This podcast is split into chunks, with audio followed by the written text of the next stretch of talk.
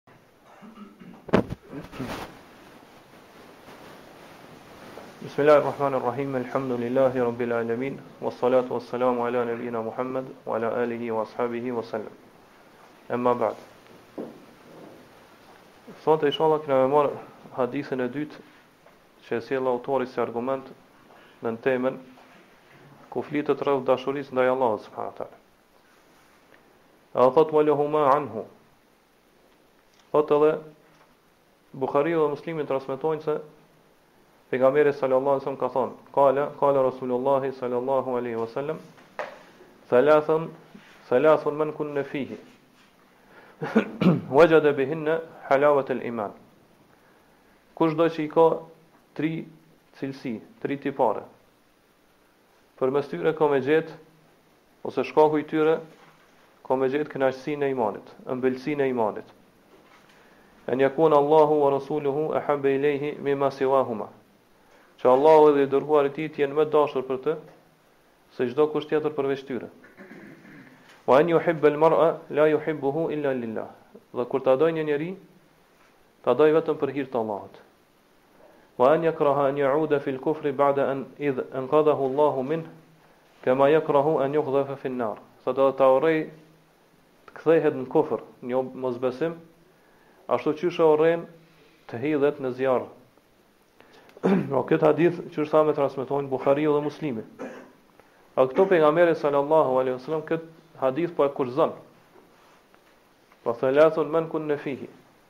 Kjo pjesëza men që ka ardhë këtu, në arabisht tregon kushtëzim. Kushdo që i ka këto tri cilësi. Pra nëse don me arritë ëmbëlsinë e imanit, edhe knaqsinë e imanit, atëherë patjetër duhet me i pas këto tri cilësi. Për këtë arsye po thot, wajada bihinne. Për, për, për shkak të këtyne tri cilësive, ai ka me gjetë ëmbëlsinë e imanit. Po bihinne, kjo pjesëza be këtu është sebebia, po tregon shkakun. Po arsyeja shkaku pse njeriu arrin në ëmbëlsinë e imanit është kur t'i plotëson këto tri kur t'i ka këto tri cilësi apo tri atribute. E ëmbëlsia e imanit, qysh shpjegojnë dijetarët, është ajo që ajo qetësia apo prehja që njeriu e gjen në zemrën edhe gjoksin e tij. Po kur zemra e tij qetësohet, shpirti i tij prehet, edhe gjoksi i tij zgjerohet. Edhe kjo ëmbëlsi e imanit nuk arrihet përmes shqisave të shijimit dhe as përmes gojës. Prandaj qëllimi me ëmbëlsinë e imanit është ëmbëlsia që njeriu e ndjen edhe e shijon në zemrën e tij. Po kjo është imani dhe besimi i vërtetë. Po kur njeriu arrin që ta mund të, do thotë, ta shijoj ëmbëlsinë dhe të kënaqet me imanin e tij.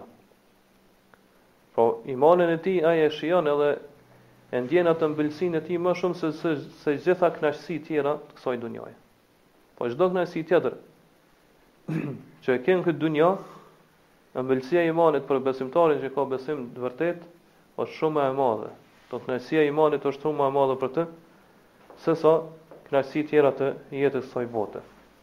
Prandaj dijetarët thonë Pejgamberi sallallahu alejhi wasallam këtu ka bënë një krahasim shumë preciz.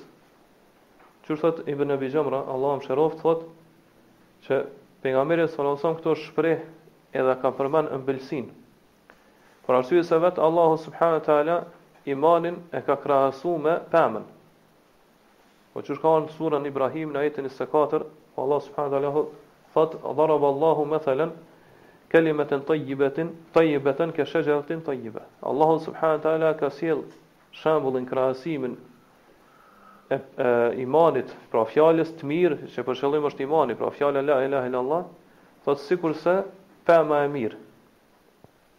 Prandaj ashtu qysh pema i jep frutat e saj, po ashtu dhe imani i jep frytet e tij.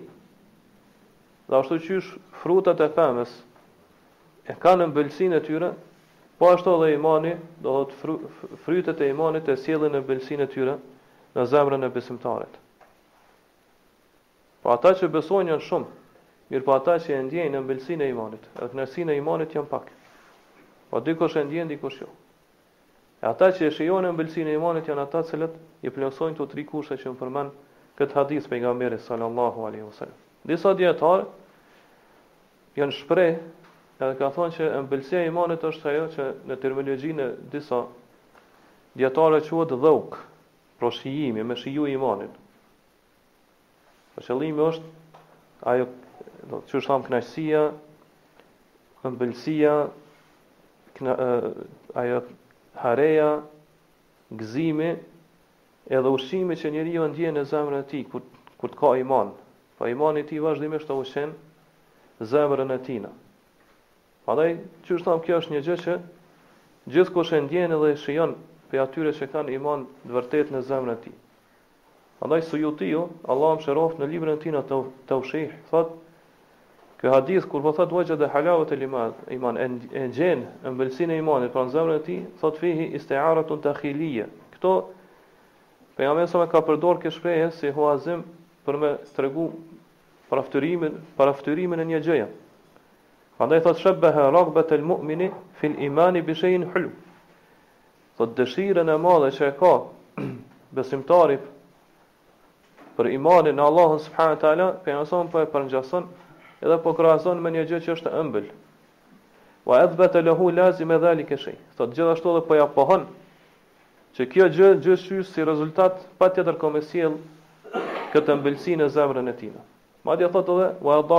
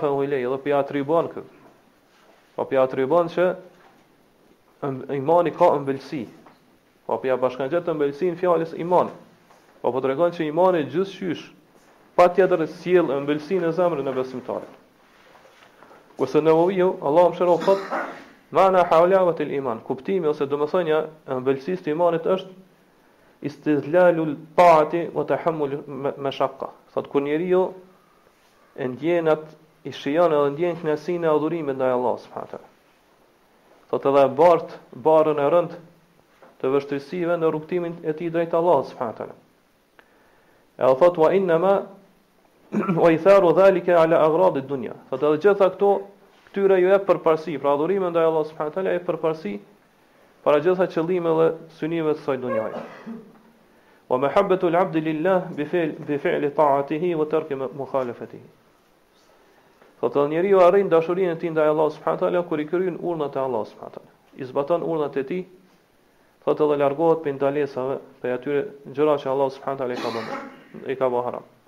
Wa kadhalika ar-rasul, thotë gjithashtu këtu hyn edhe i dërguari i Allahut subhanahu.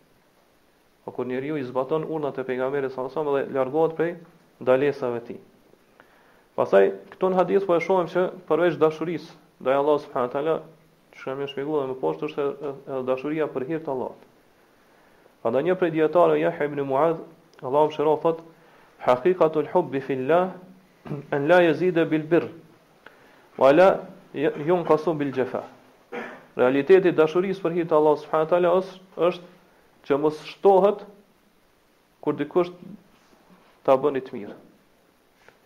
Gjithashtu mos të mangësohet kur dikush sillet keq me ty. Pra nëse ti pretendon se e don tjetrin për hir t'Allahut, atër kjo dashuri nuk do të shtohet kur të vjen një e mirë prej tina, një mirësi. Po gjithashtu nuk do të paksohet nëse ai do thotë ta bën ni të keqe ty, sillet keq me ty.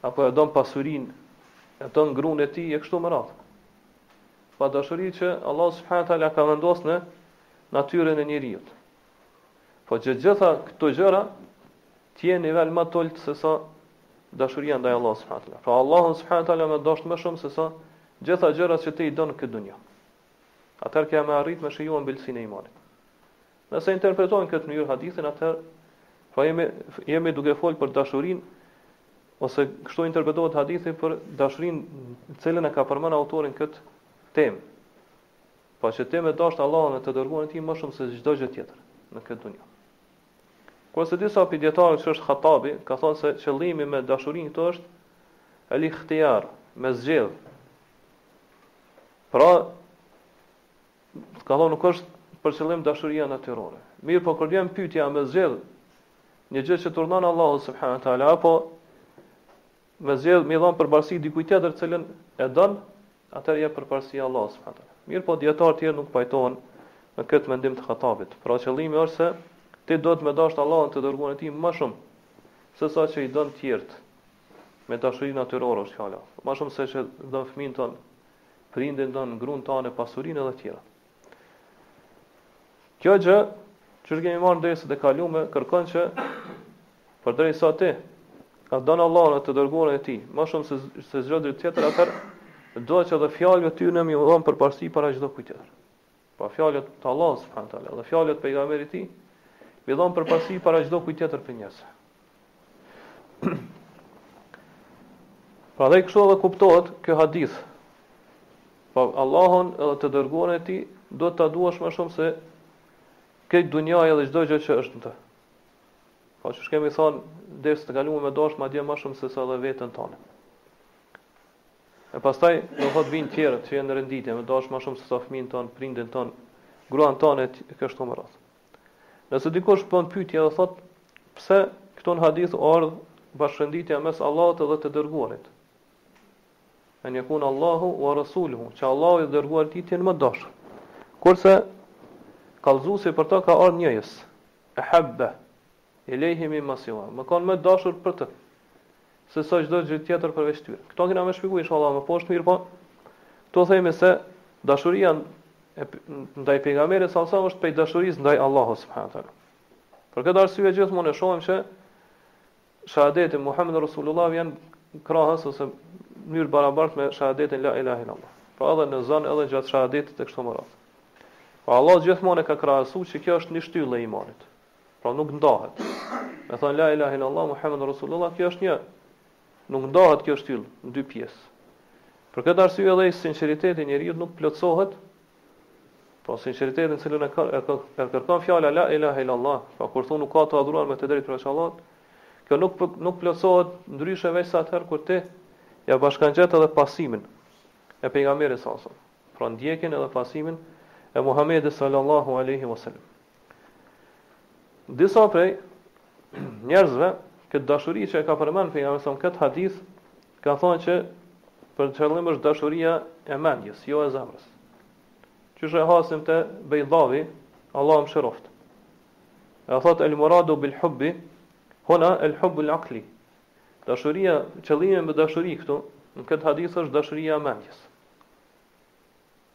Po dashuria e logjikës.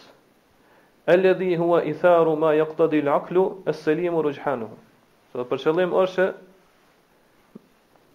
që për qëllim me këtë dashuri është kur mendja i jep përparësi një gjëje ngase vetë ajo e tregon se ajo gjë është më parësore të punohet. Wa in kana ala khilafi hawa an-nafs. Edhe nëse thotë ajo gjë është në kundërshtim me dëshirën e shpirtit.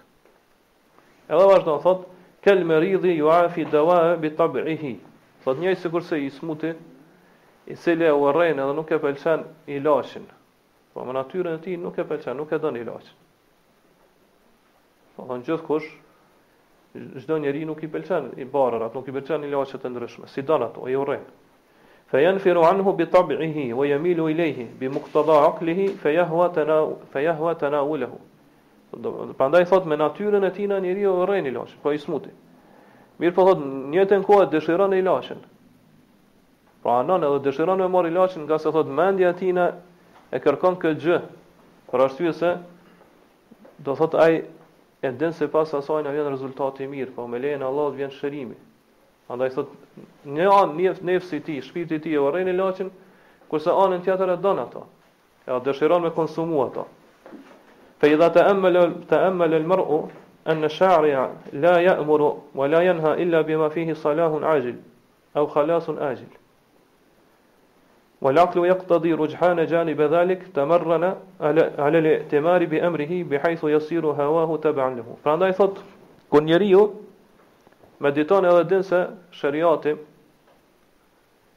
Nuk e urdhëron për as me ndonjë gjë, apo nuk e ndalon për ndonjë gjë tjetër veçse në atë ka hajër për to, ka mirësi për to. Ose thotë është mirësi, të cilën do të arri në këtë dunja, ose do thotë është mirësi, të cilën do të arri në ahiret, në botën e ardhshme. Po do të shpëtoj prej një gjëje në botën e ardhshme.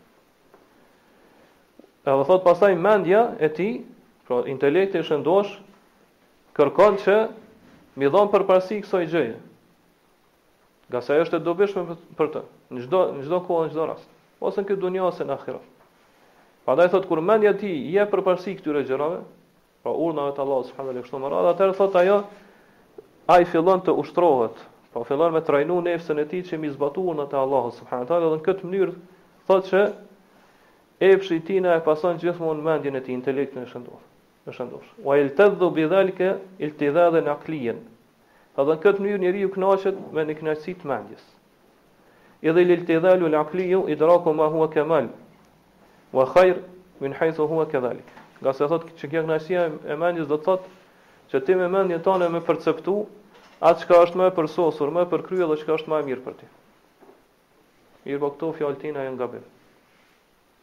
Për arsye se, këto fjalë i ka thënë sipas rregullave të parimeve të Xhehmive, edhe sekteve të tjera në Islam, prej Mu'tazilive dhe të tjerë.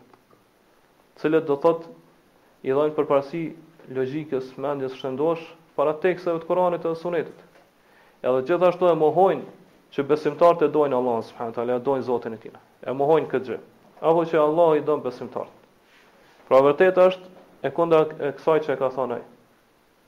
Pra vërtet është që njeriu, pra besimtari e don Allahun subhanahu teala dhe të dërguarin e tij më shumë se çdokush, se çdo gjë tjetër me dashuri të zemrës. Jo me dashuri të mendjes, siç e ka thonë. Qysh ka një hadith, edhe pse për cilin dijetarët thonë që është daif, mirëpo kuptimi është i saktë inshallah. Që pe, pe ka thonë ehibbullaha bi kulli kulubikum. Duajeni Allahun me gjithë zemrën e juej.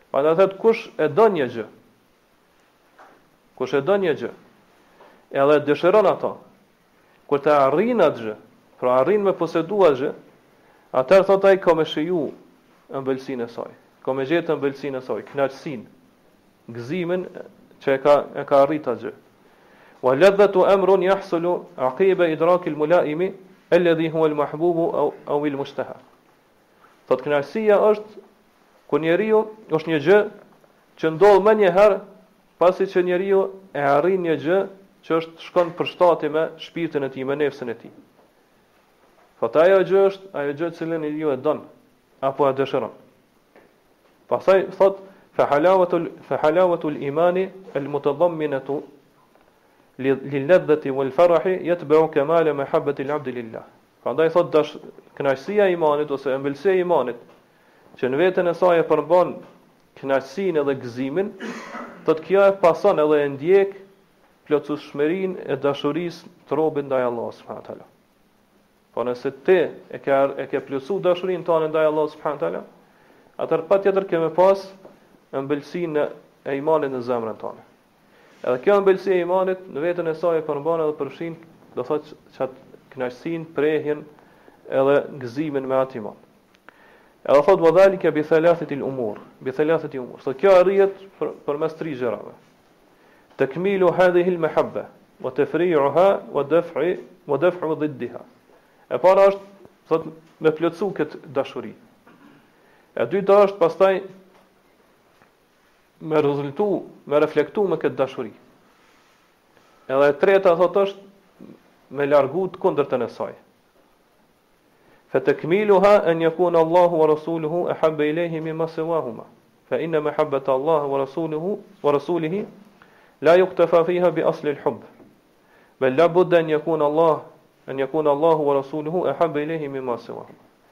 Po qysh arrihet plot plot plotësimi i kësaj dashurie? Thotë arrihet qysh ka në këtë hadith. Kur Allahu dhe i dërguari i tij thotë janë më dashur për personin se sa më dashur për personin se sa çdo gjë tjetër, se sa çdo gjë tjetër në këtë dunjë. Prandaj thotë kur ti don Allahun dhe të dërguarin e tij, nuk duhet të mjaftohet njeriu vetëm me origjinën e dashurisë. Veç m'i dashtë ato. Ngase çdo besimtar e don Allahun e të dërguarin e tina. Mirëpo nuk, nuk, kjo nuk mjafton për me arritë ëmbëlsinë e imanit. Për me arritë ëmbëlsinë e imanit, thotë patjetër që kjo dashuri dot ta kalojë dashurinë ndaj çdokujt tjetër.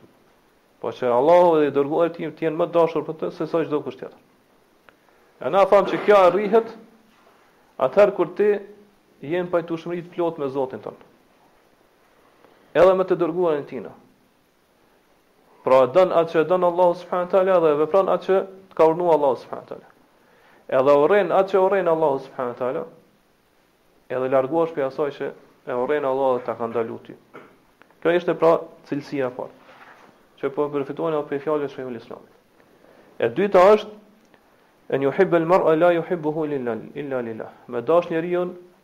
Dhe mos ta dojë për asgjë tjetër veçse për hir të Allahut subhanahu teala. Pra me dash njeriu, kjo e përfshin edhe edhe si burrat si gratë.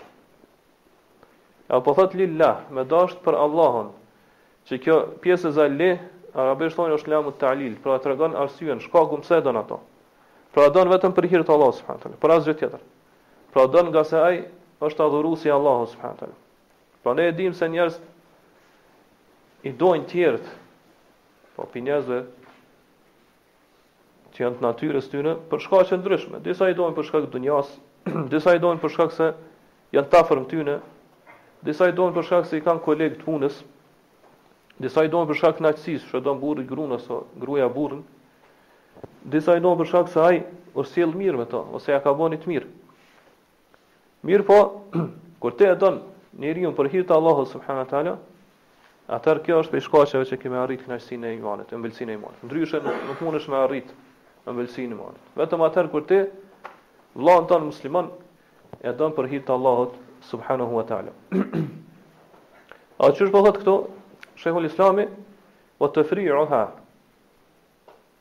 Pra ti duhet mpastaj me reflektu me këtë dashuri.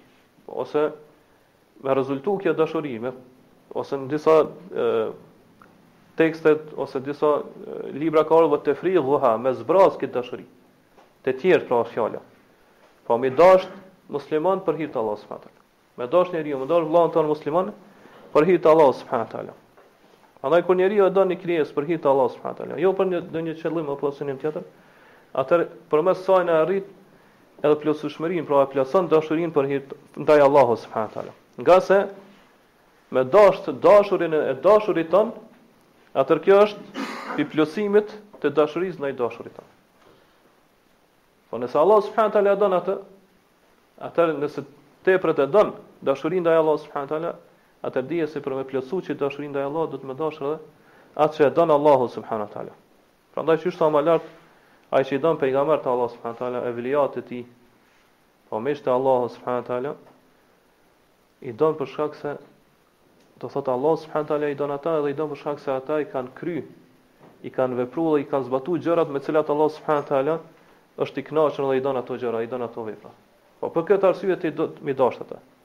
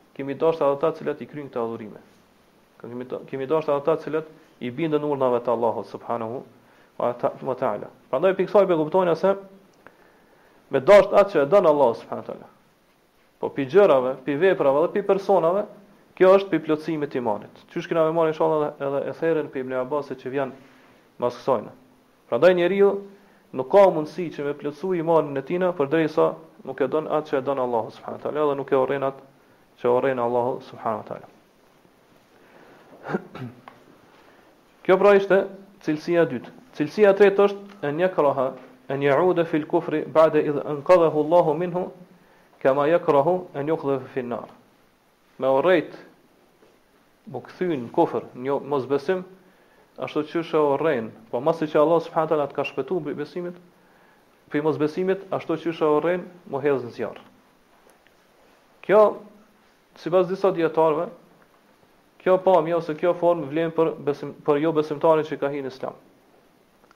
Pra ai duhet ta urrejë me u kthy n'kufër, ashtu qysh e urren, po pasi që Allah subhanahu taala e ka shpëtu pi kufrit, ashtu qysh e urren me me hedh n'zjarr.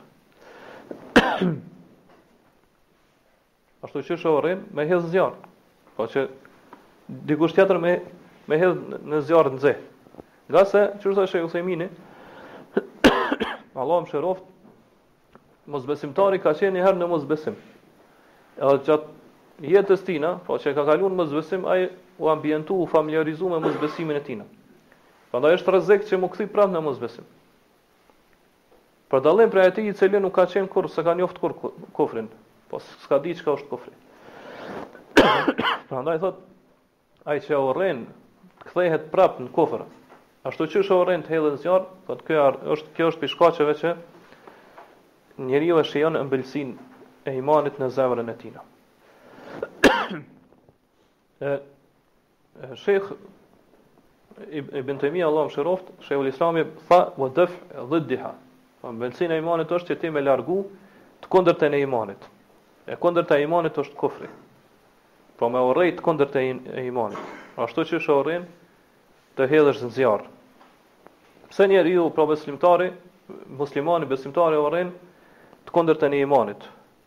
Për shkak se, domethënë, dashuria ndaj Allahut subhanahu wa taala e ka mbush plot zemrën e tina.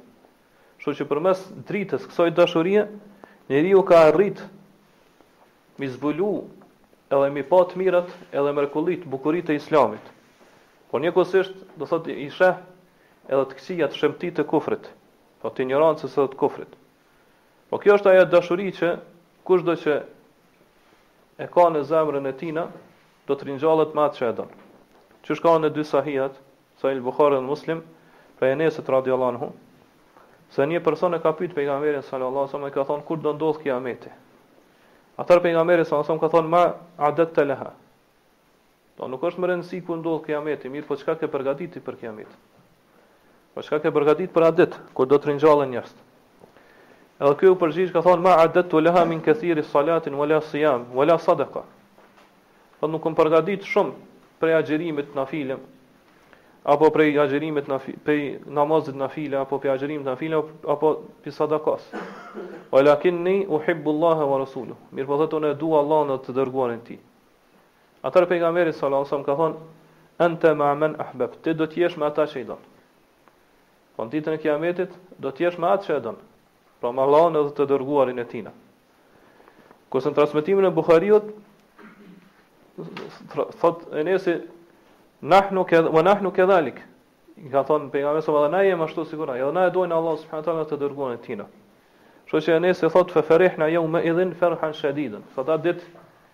Kur i kena dëgju këto fjalë t'pejgamberit alejhi selam thotë jena gëzu shumë, po më shumë se çdo gjë tjetër. Kur kena ditë se njeriu do të jetë në në ahiret me atë që e don, pra me Allahun e të dërguarin e Tij. Mirëpo thamë kur e ka dashurinë e vërtetë në zemrën e Tij, besimin e vërtetë. Edhe qysh thamë më lart këtu pejgamberi alejhi selam thotë me dashtë Allahun e të dërguarin e Tij mimma siwahuma. Më shumë se çdo se çdo gjë tjetër, se çdo kush tjetër. Këtu po shohim që Allahu Qysh thamë dhe më lart, po e përmend vërtet pejgamberi alejhi selam po e përmend Allahun edhe të dërguarin e tina s'bashku. Po, ose pi përmend një herë pi përmend ndaras Allahun dhe të dërguarin e tina. Që Allahu edhe i dërguari i tij të jenë më të dashur për të. E pastaj përemrin po e sjell n'njëjës, me qenë më i dashur nëse e përkthejmë bukvalisht kështu shqip. Me qenë më i dashur për të se çdo gjë tjetër.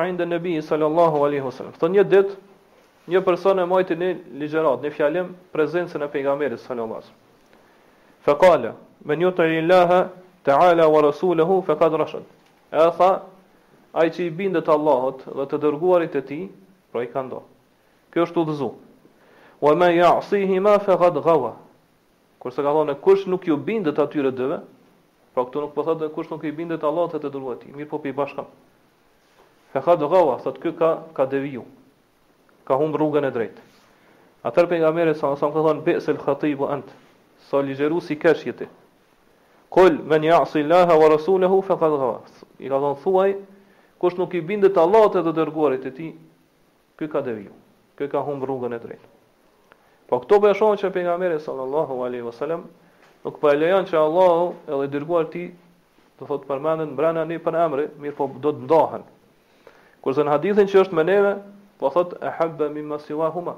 Me qenë Allahu dhe i dërguari i tij më i dashur për të, po pi bashkon më i dashur njëjës. Se sa çdo se çdo çdo gjë tjetër, çdo kusht tjetër. Dijetarët kësaj i kanë dhënë dy përgjigje. Po pse në këtë hadithin që është me neve ka thënë këto pejgamberi son. Kurse hadithin që thamë lart këtij ligjërusit, këtë gjë ja ka ndalu pejgamberi sallallahu alaihi wasallam.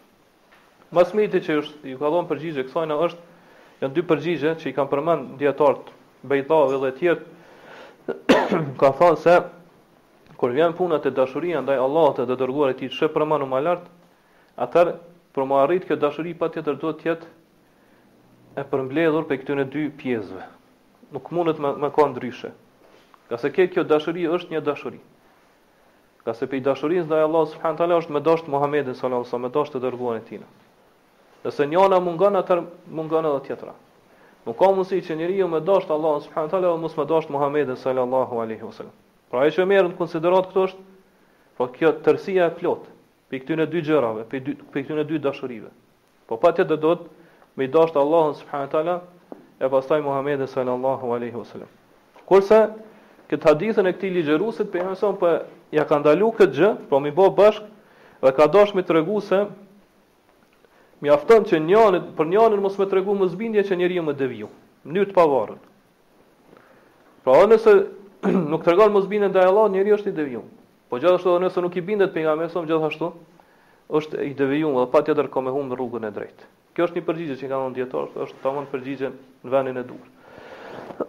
Përgjigja e dytë që kanë thënë është se hadithi që e përmendëm për këtë ligjërusin, pejgamberi sa këto vetëm ka dashur me tregu se njeriu do të sillet me edukatë ndaj Allahut subhanahu wa taala. Edhe kur të flet,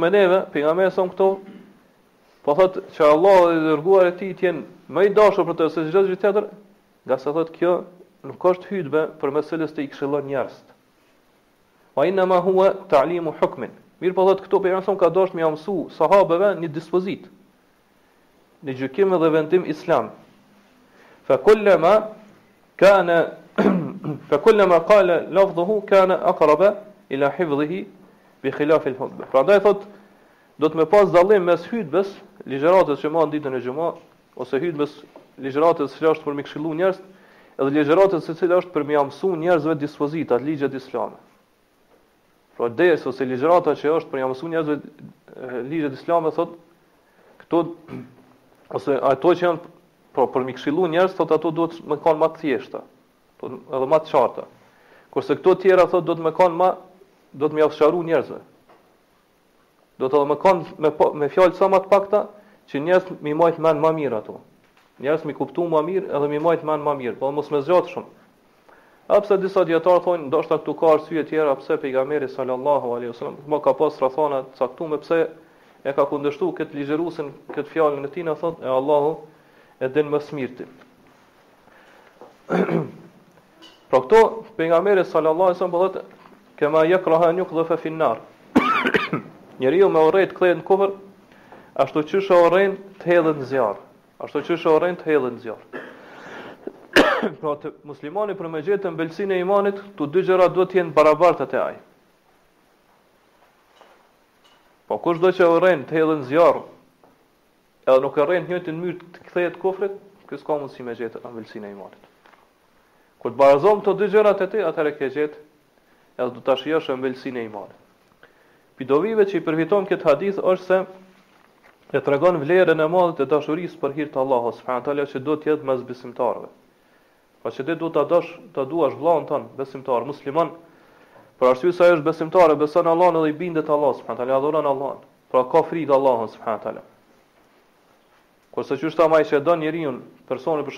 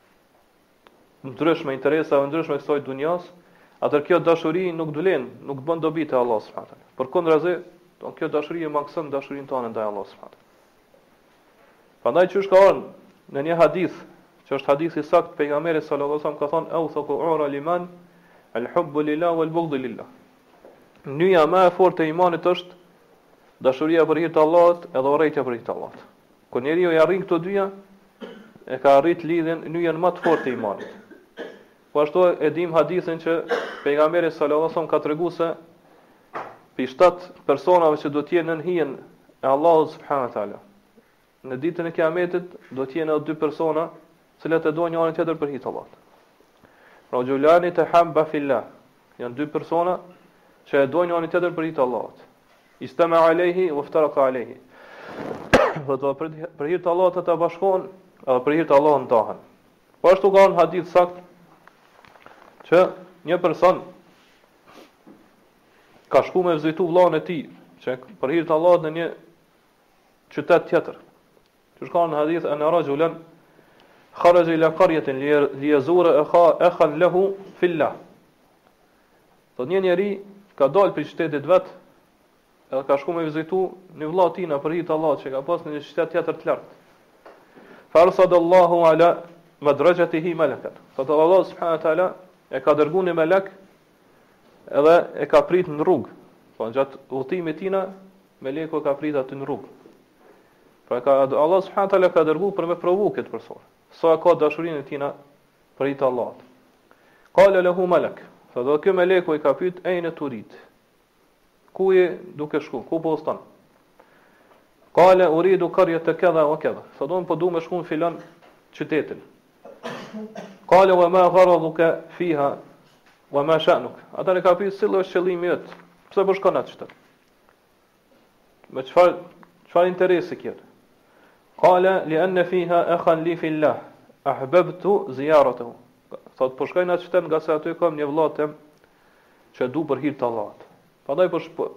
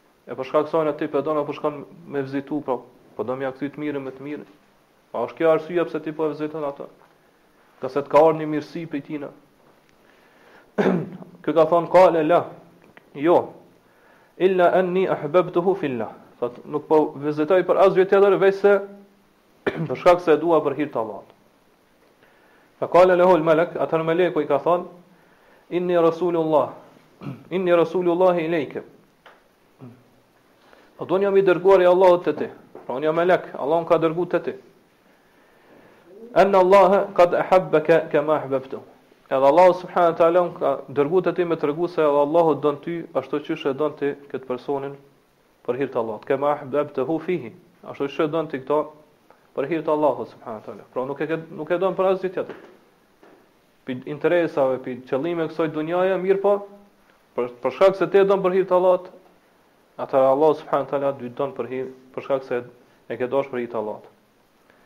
Shumë prej njerëzve që s'ta mëdha e dojnë njëri tjetrin, shoqërohen me njëri tjetrin për çështje dunjas, për shkak të interesave, shpreson për atina që ka me i sjell diçka të mirë kështu më radh.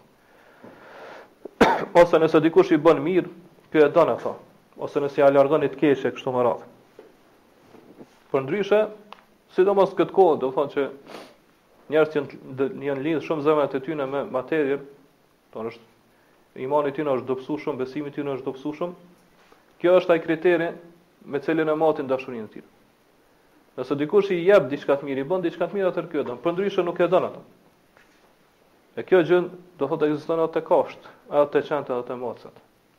Nëse ti ju jep atyne, ata kanë me filluar me dasht, me tu afru e kështu me radhë.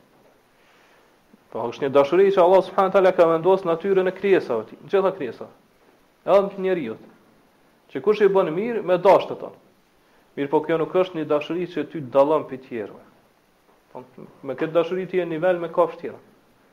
Dashuria që të dallon prej tjerëve është që ti me dashtë tjetrin për hir të Allah subhanahu teala. Kjo është do thot shkalla dhe grada më e lartë e dashurisë që bëhet për hir të Allahut. Po ashtu, na e pam se Do thotë njeriu për me arrit ëmbëlsinë e imanit duhet me urrejt kthimin në kufër ashtu siç urren hedhjen në zjarr. Krejt njerëz do thotë ikin prej zjarrit. Askush nuk e dëshiron, nuk e don zjarrin. Sepse zjarri shkakton dhimbje të mëdha për shkak të nxehtësisë saj e kështu me radhë. Askush nuk ka mundësi me duru zjarrin. Mirëpo ngjajshëm me zjarrin është edhe kufri.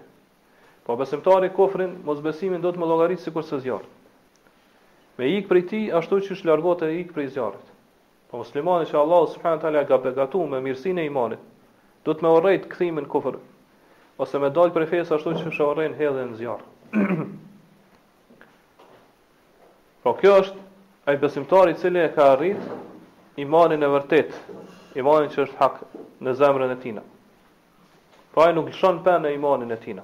Nëse imani i vërtet është vendos, e ka mbush zemrën e tij, atër ai nuk bën pazare me imanin e tina. Nuk bën kompromis. Çkado që t'i ofrohet, ose sado që është e vështirë gjendja, ai nuk lëshon pe në imanin e tina. Nuk lëshon, ai kapet dhe mbahet për fejnë e tina. Këtë mënyrë do të thotë e gjen e gjen ëmbëlsinë e imanit. Mirëpo disa njerëz, e pretendojnë imanin, pretendojnë besimin, mirëpo fillojnë me lëshu pe prej imanit apo disa pjesë të imanit për shkak të frikës apo për shkak të dëshirave, synimeve, qëllimeve të kësaj dunjas, interesa e kështu me radhë. Edhe kjo është shenjë, provë që ai nuk ka iman. Apo do thotë imani i tina shumë i dobët.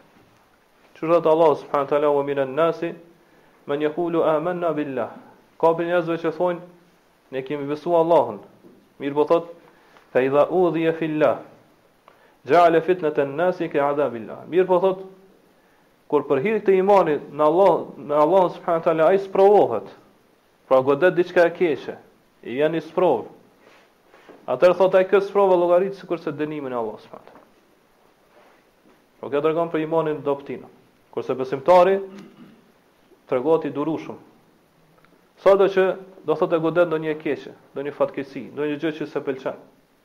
Sado që njerëz mundohen me largu prej fesë tina, prej imanit tina, ose përmes atyre që i dim tash, do thotë përmes pasurisë, duke i ofruar do thotë gjëra të kësaj dunjos, pozita, do thotë lek, pare ndryshme të shumta kështu më radhë, apo me metoda të tjera, nëse e frikësojnë do thotë me burgosje apo me vrasje kështu më radhë, besimtari i mirë, i, i, i saktë, i, i vërtet, bën sabër, tregohet i durueshëm, nuk lëshon pe, nuk, nuk ban pazare me fenë edhe, edhe me imanin tina, mirëpo kapet fort mas fesë të Allahut s.a.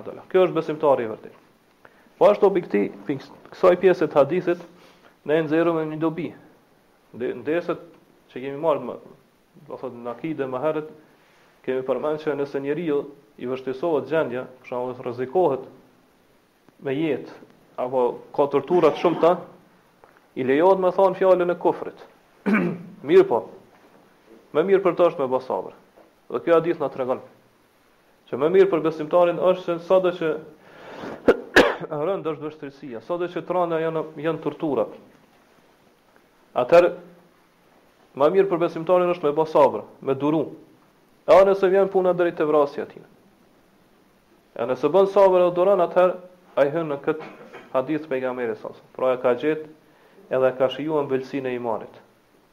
Po për shkak se e ka shijuar ëmbëlsinë e imanit, ai nuk nuk kënaqet edhe nuk nuk lejon që që është me lëshu pe me bë kompromis, me bë pazare me imanin edhe me fenë e tina.